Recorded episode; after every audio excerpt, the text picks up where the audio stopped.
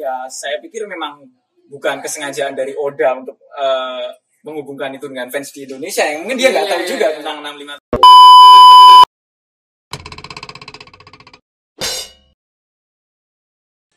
Ya, oke, kita kembali lagi ke podcast Simulacra episode ke-3 bersama saya Ove dan teman saya Sulhan dan kali ini kita ada tamu dari luar yaitu Mas Dendi. Mas Dendi. Wong iki Dendi ya. Oh, gitu Dendi ya. Iya, itu kan Dendi. Oh, gitu. Selama 23 tahun ini. Oh ternyata ya. Rahasia di. Dendi Luffy. Ya, jadi kali ini kami bersama Mas Dendi bakal ngomongin itu. Salah satu manga yang kami rasa cukup sukses selama 20 berapa ya? 25 tahun terakhir mungkin ya. Emang sukses sih. Memang sukses. Kan banyak friends, ada the konsisten. Yaitu apa, Mas? One Piece ya? Iya, iya. Piece. Itu. Mangakanya Eiichiro Oda aja udah menang banyak penghargaan ya Mas ya. Kalau nggak salah pernah dapat penghargaan di Frankfurt, Ya. pameran di Frankfurt juga kan kalau yang terakhir mungkin ya. Kemarin waktu awal pandemi itu orang-orang mulai ketakutan gitu. Kalau Ichiro udah sampai terkena COVID terus mati gimana ini? One Piece kan belum kelar gitu. Ini masih jauh kayaknya. Iya ya udah segitunya mati gimana gitu. Jadi mulailah kita bahas apa dulu enaknya kita ngomongin One Piece. Sul. Ya, One Piece ini anime yang cukup kompleks saya. Manga Hmm. dan anime yang cukup kompleks ya aku lihat. Aku nggak begitu apa namanya tergila-gila dengan One Piece, cuman suka aja gitu dan kebetulan nonton dari kecil kan, dari waktu pertama kali tayang di RCTI gitu kan. Dan sempat jadi kayak semacam apa ya cara identifikasi diri saya gitu ya ketika SMA gitu loh Pak. Jadi sama teman-teman tuh biasanya Ih, kamu ini ya Yunko gitu kan kamu gitu gitulah gitu. Oh. Ya, tapi terlepas dari itu One Piece tuh One Piece tuh sangat inilah apa namanya eh, kompleks gitu kan ada pemerintah dunia terus angkatan laut konflik eh, apa namanya negara dengan masyarakatnya gitu gitulah nah, Mas Dendi ini termasuk apa namanya nakama One Piece yang sudah ini Mas ya sepuh gitu mungkin nanti akan Veteran lah ya. Iya, benar. mungkin ini Mas eh, kita eh, untuk podcast kali ini bahas gimana sih eh, Eiichiro Oda ini eh, menarasikan orang-orang marginal ya di One Piece ya karena kalau kita lihat kan eh, Luffy dan Tobi Jerami sendiri mereka dalam setiap petualangannya kan selalu membela kaum kaum marginal ya toh. Iya. padahal bajak laut ya gimana perompak tapi bela kaum marginal gitu Che Guevara di laut ya. gimana Mas? Yuda sebagai apa namanya Mas Dendi sebagai eh, nakama One Piece sepuh melihat itu gitu ya Ya, jadi kalau soal kaum marginal sebenarnya tokoh utamanya, kelompoknya itu sudah Ah. marginal karena bajak laut di dunia One Piece itu sebenarnya marginal. oh iya Oh. Karena dia kan melawan kehendak pemerintah dunia ya. Hmm. Dan hal-hal yang dilakukannya itu memang eh, cenderung di luar apa ya? eh, di luar aturan yang sudah digariskan oleh pemerintah dunia di One. Ini memang sebenarnya dia tidak hanya membela kaum marginal karena memang dia sebenarnya bagian dari kelompok marginal itu sendiri bajak laut. Oh iya iya. Di dunia itu ya, di Ah, dunia betul. itu. Itu yang pertama dia eh, Luffy dan teman-temannya di kelompok bajak laut topi jerami itu sebenarnya memang kelompok marginal itu sendiri. Yang kedua eh yang menarik dari pembelaan Luffy dan teman-temannya kepada kelompok marginal di One Piece ini adalah unmotivated mungkin ya. Jadi eh, saya sulit sulit mencari motivasi sebenarnya sih dari kenapa sih mereka di Fishman Island bela apa manusia ikan, kemudian di Dressrosa bela keluarga Riku, di Wano bela keluarga Kozuki gitu. Karena mereka tuh nggak punya konsep tentang pahala. Iya. Oh iya. Dia mereka juga nggak punya konsep tentang imbalan. Bahwa mereka beberapa kali membela eh, kelompok marginal di beberapa tempat terus dikasih imbalan benar. Kayak di Skypia mereka dikasih emas. Tapi mereka tidak punya konsep itu gitu loh. Konsep mereka adalah berlayar menemukan One Piece dan kalau motivasi Luffy sendiri adalah jadi orang paling bebas di lautan. Ya jadi dia nggak punya apa ya katakanlah motivasi untuk jadi heroik Hmm, dia ya jalan aja ke mana gitu. Ada yang menurut dia layak dibela ya dia bela. Jadi agak barangkali nggak politis ya. Dalam artian dia tidak sedang berusaha menciptakan tatanan politik yang baru. Iya, iya. karena itu bukan tugas dia itu tugasnya pasukan revolusioner bapaknya Monkey D. Dragon. Dia sendiri ya cuman berpetualang terus ketemu orang yang menurut dia layak dibela. Entah dia sendiri nggak punya kayak em, ideologi atau eh, patokan nilai tertentu. Hmm. dan ya dia bela gitu aja.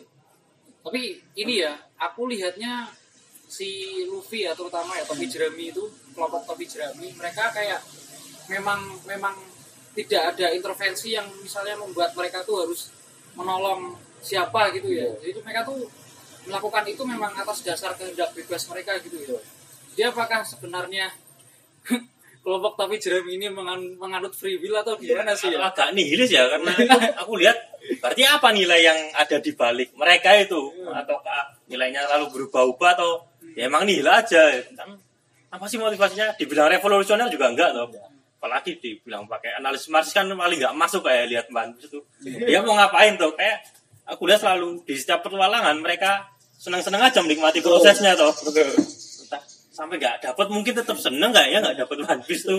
Iya benar benar juga.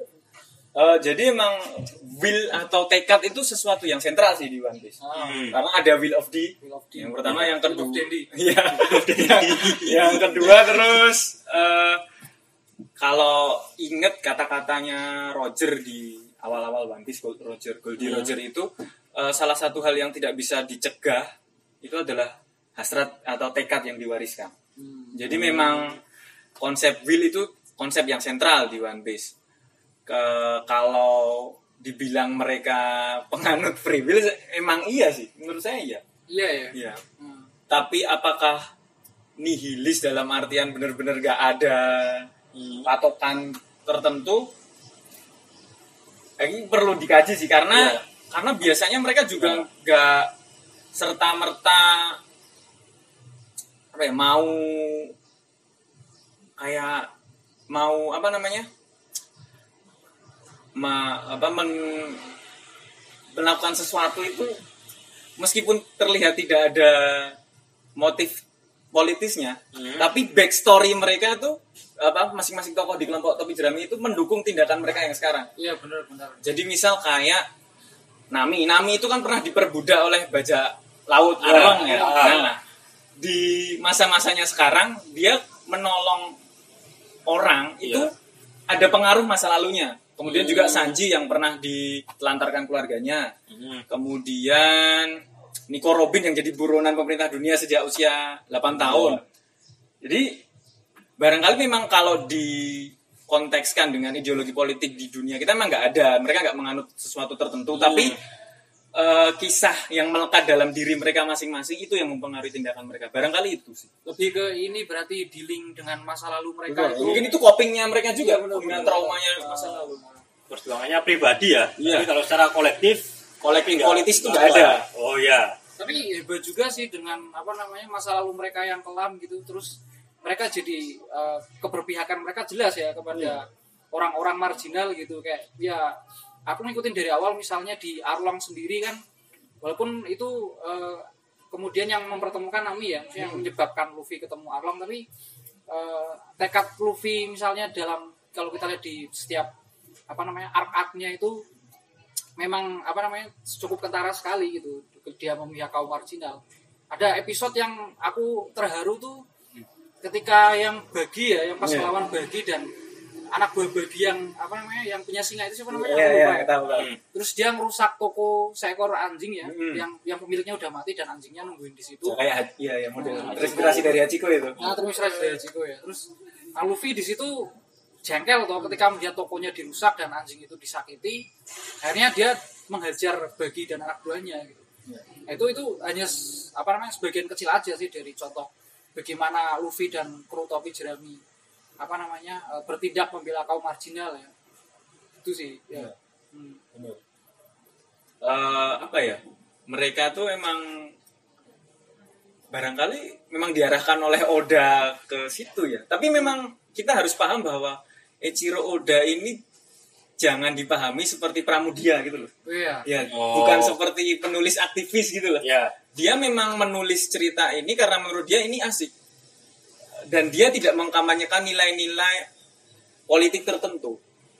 Bahwa kemudian menurut dia cerita yang asik adalah seperti ini dan kemudian ditafsirkan oleh banyak orang sebagai suatu perjuangan Ya. itu bukan bukan tafsiran dia sendiri gitu loh. Dan karena memang makna kan dibuat tidak hanya oleh penulisnya. Iya lah. Iya, iya.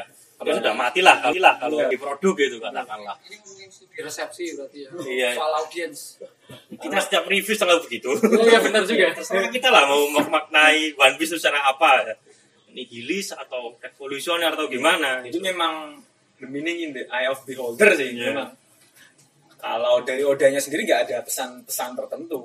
Tapi aku baca ini sih simposium One Piece yang ditulis teman-teman kalam kopi sama komunitas apa itu? Komunitas payung. Payung. Payung itu menarik juga sih ketika mereka ngomongin eh, beberapa hal misalnya kayak penghapusan narasi sejarah gitu Hmm.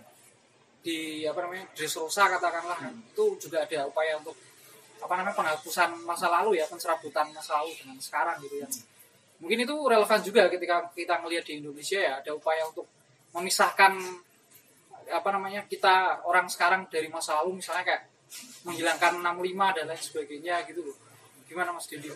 Ada Ya, ya?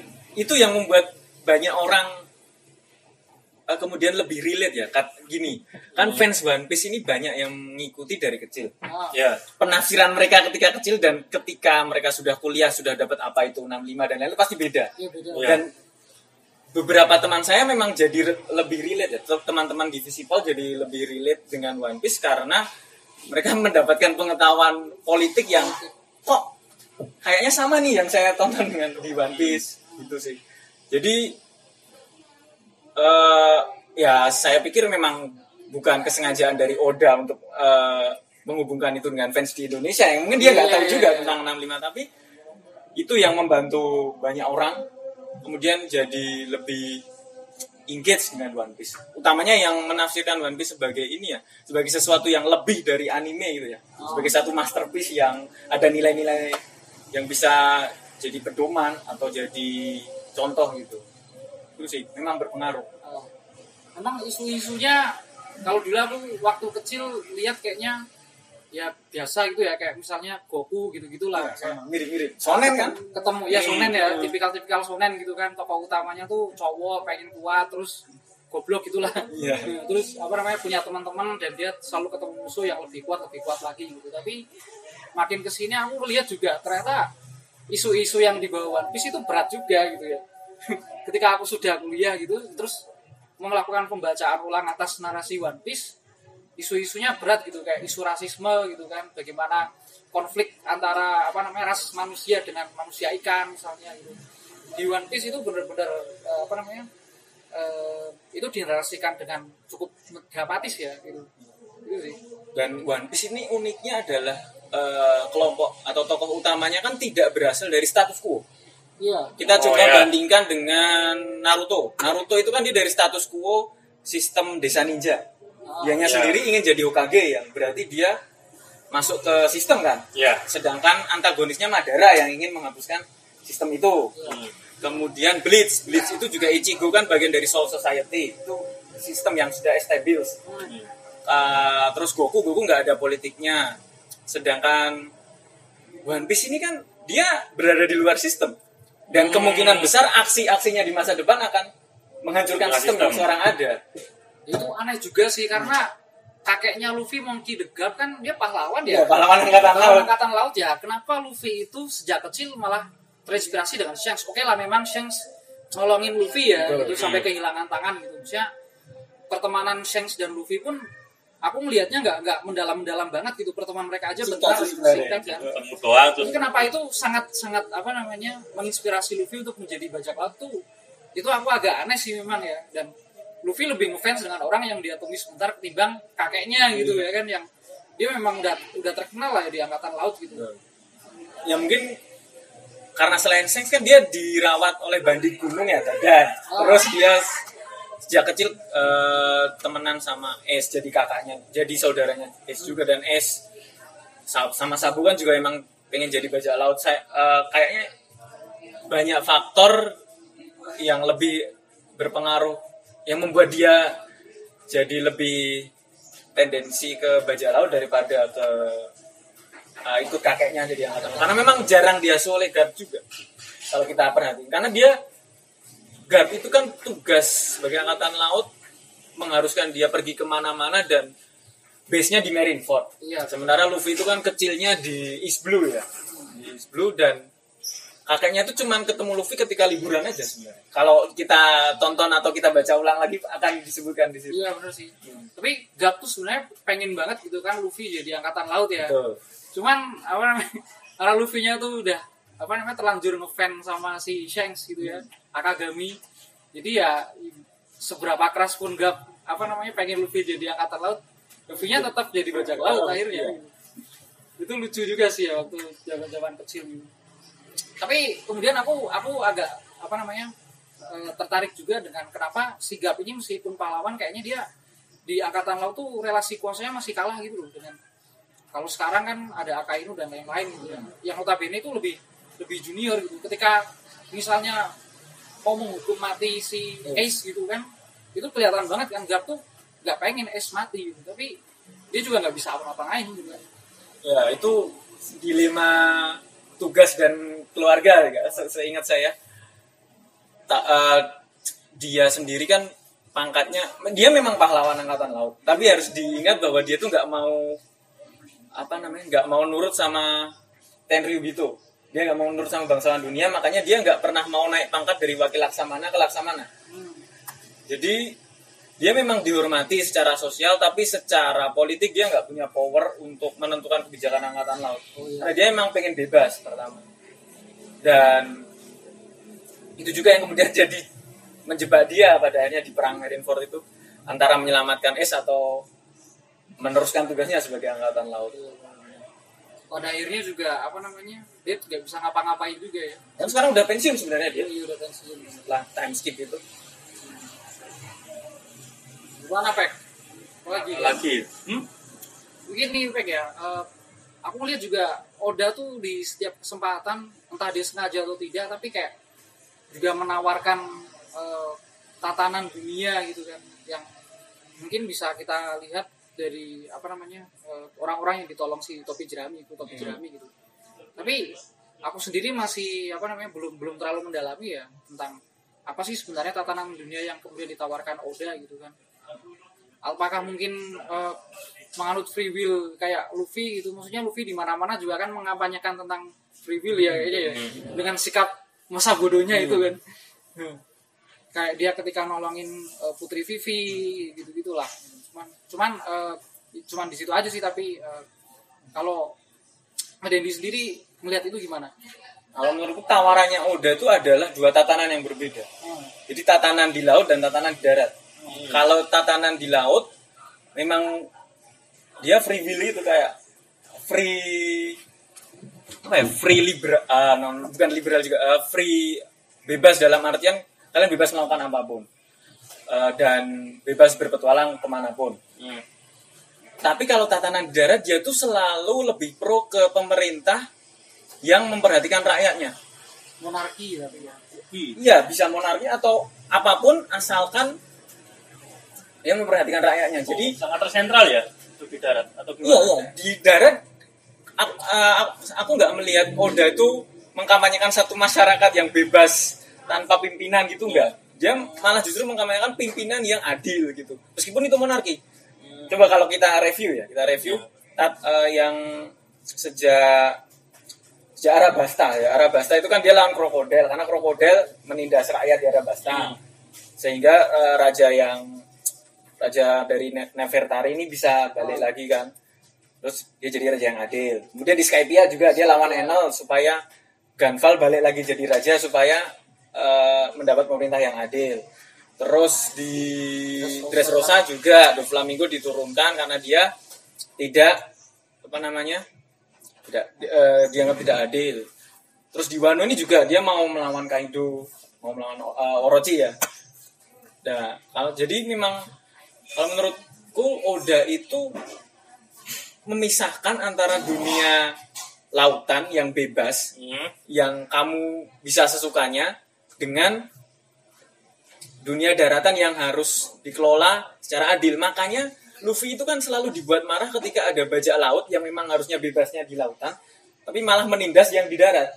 Contoh Doflamingo, krokodil Crocodile, Kaido. kaido Nah, kalau kamu bajak laut ya kamu di laut bebas, gak usah menguasai wilayah tertentu. Hmm.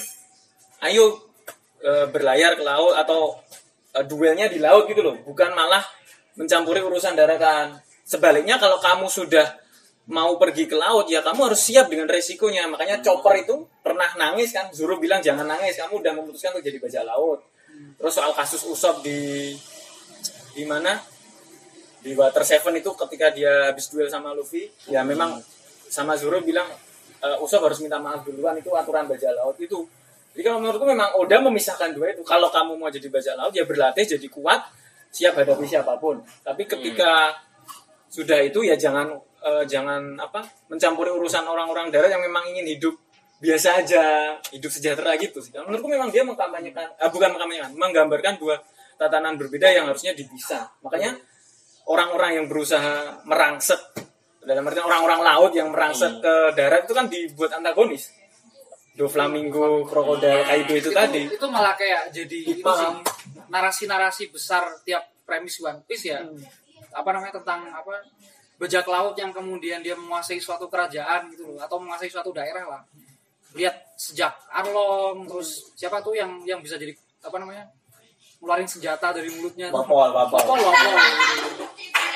Ya pokoknya dari situlah nah tapi juga menariknya eh, si antagonis antagonis di One Piece ini mereka nggak nggak cuman ditampilkan jahat juga tapi bagian dari dealing dengan masa lalu juga Iya, ya, ada, kayak selalu ada backstory-nya. Ya, kayak Doflamingo gitu kan terus eh, bahkan Big Mom gitu itu punya punya masa lalu masa lalu yang membuat mereka tuh seperti sekarang ini gitu ya.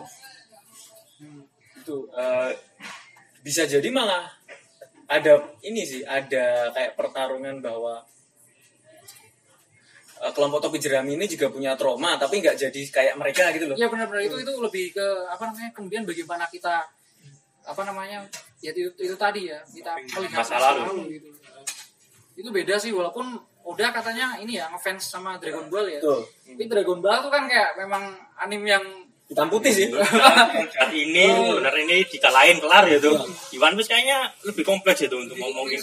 orang ngejat tuh nggak mata-mata atau tulis karena apa apa? Dia jat aja gitu. banyak yang karena sistem sih kayak Arlang itu karena sistem. Doflamingo juga. Struktural gitu. Terbentuknya mereka itu. Agensi berpengaruh tapi struktur juga harus dilihat Terus menariknya juga eh, karena tadi nyinggung soal bajak laut yang berkuasa di darat dan di laut ya. gitu. Aku jadi lihat eh, One Piece punya kayak bajak laut itu ada dua gitu yang yang kayak Luffy terus eh, Gold Roger dan lain-lain yang memang mereka tuh melihat apa namanya bajak laut dan bendera, bendera bajak laut itu sebagai simbol kebebasan gitu ya. Tidak ada determinasi apa pun gitu. Kamu lakukanlah yang kamu sukai gitu kan. Bahkan itu juga yang eh, apa namanya dipakai sama gurunya Chopper ya dokter Hilulup Hilulup ya kan? dia ketika apa namanya eh, masih jadi dokter walaupun nggak berlayar ke laut tapi dia kan selalu bendera bajak laut. ya kan? Jadi apa namanya bendera bajak laut di sini antara itu sebagai ideologi kebebasan atau ideologi apa namanya eh, kekuasaan ya untuk, ada untuk mencaplok suatu daerah tertentu gitu. Itu sih yang yang, yang juga menarik ya dari One Piece gitu Terus aku pengen lihat dari ini sih, dari sisi luar One Piece-nya gitu. Maksudnya dari fans, komunitas mereka itu ga- bagaimana sih matku? Aku melihat mereka tuh sangat rela dengan One Piece sampai orang-orang selalu bilang apa ya sering ada anekdot "Eh, kamu kalau mau jadi intelektual atau akademisi wa- wajib untuk baca namanya One Piece itu salah satunya itu terus mereka yang nggak mendefinisikan sebagai wibu atau penikmat manga atau anime gitu juga selalu ngomong bahwa ya walaupun nggak suka se- seenggaknya aku nonton One Piece lah selama 20 tahun ini. Nah kalau kalian sendiri lihat One Piece itu dari sisi luar filmnya ya itu gimana? Fansnya lah komunitasnya atau apanya itu? Mungkin. Kalau Dendi. Kalau aku karena aku mungkin nggak begitu aktif, aku gabung sih ya, tapi di grup Facebook One Piece Nakama Indonesia gitu. Aku melihatnya sih eh, fans-fans One Piece itu mereka sangat loyal ya. Terus eh, di situ biasanya ada ada kayak hierarki gitu sih. Misalnya kayak kamu tuh cuman baca manga dari internet, nggak beli langsung gitu, apa bentuk fisik bukunya gitu kan.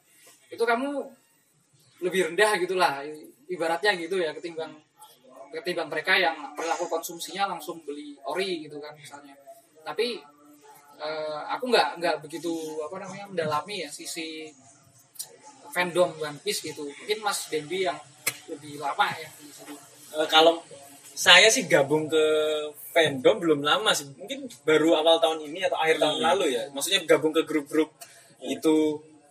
Karena sebelumnya saya mengikutinya secara personal dan dengan beberapa teman sih. Jadi ini mungkin asiknya One Piece adalah eh, dia itu bisa jadi bahan pembicaraan di banyak lingkaran pertemanan. Jadi dia justru membalik stigma bahwa ketika kamu nonton anime atau baca manga kamu akan jadi antisosial kalau yang terjadi di kasus saya adalah saya harus baca itu supaya saya punya bahan pembicaraan di lingkaran pertemanan. Jadi malah dia jadi alat sosial gitu, membalik di kasus saya. Saya nggak saya nggak bisa menggeneralisir di banyak kasus, cuma di, di di banyak teman saya yang terjadi seperti itu.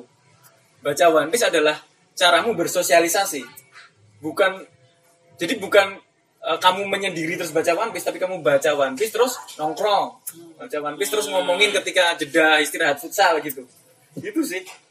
Ah, kalau dunia fandom yang res kata Iya. tanda kutip resmi saya memang juga nggak mendalami, tapi asiknya di situ. Kira-kira ini, aku lihatnya One Piece ini kan sangat lama. Apa yang membuat apa ya dia tetap bisa bertahan terus fansnya tetap mencintai dia karena biasanya manga ketika mulai nggak ada peminatnya kan dia harus mulai tutup usia ya. Iya. Nah One Piece ini salah satu yang bisa sangat lama lah. Ter- terlepas dari ada beberapa judul lain yang juga seperti itu. Menurut kalian sendiri kenapa itu One Piece bisa long last gitu dan tetap apa ya punya banyak fans setia bahkan bertambah terus terusan itu. aku pikir ini ya apa namanya One Piece itu punya tawaran cerita yang seru gitu ya sebagai sebuah anime atau manga gitu Eh, selain petualangan yang apa namanya seakan tiada henti gitu membawa kita mengarungi lautan yang bebas gitu kan. Eh, One Piece ini juga dari sisi drama sangat kuat gitu loh. Bahkan aku dalam beberapa episode tuh nangis gitu. Misalnya kayak kematian Dokter Hilulu gitu-gitu.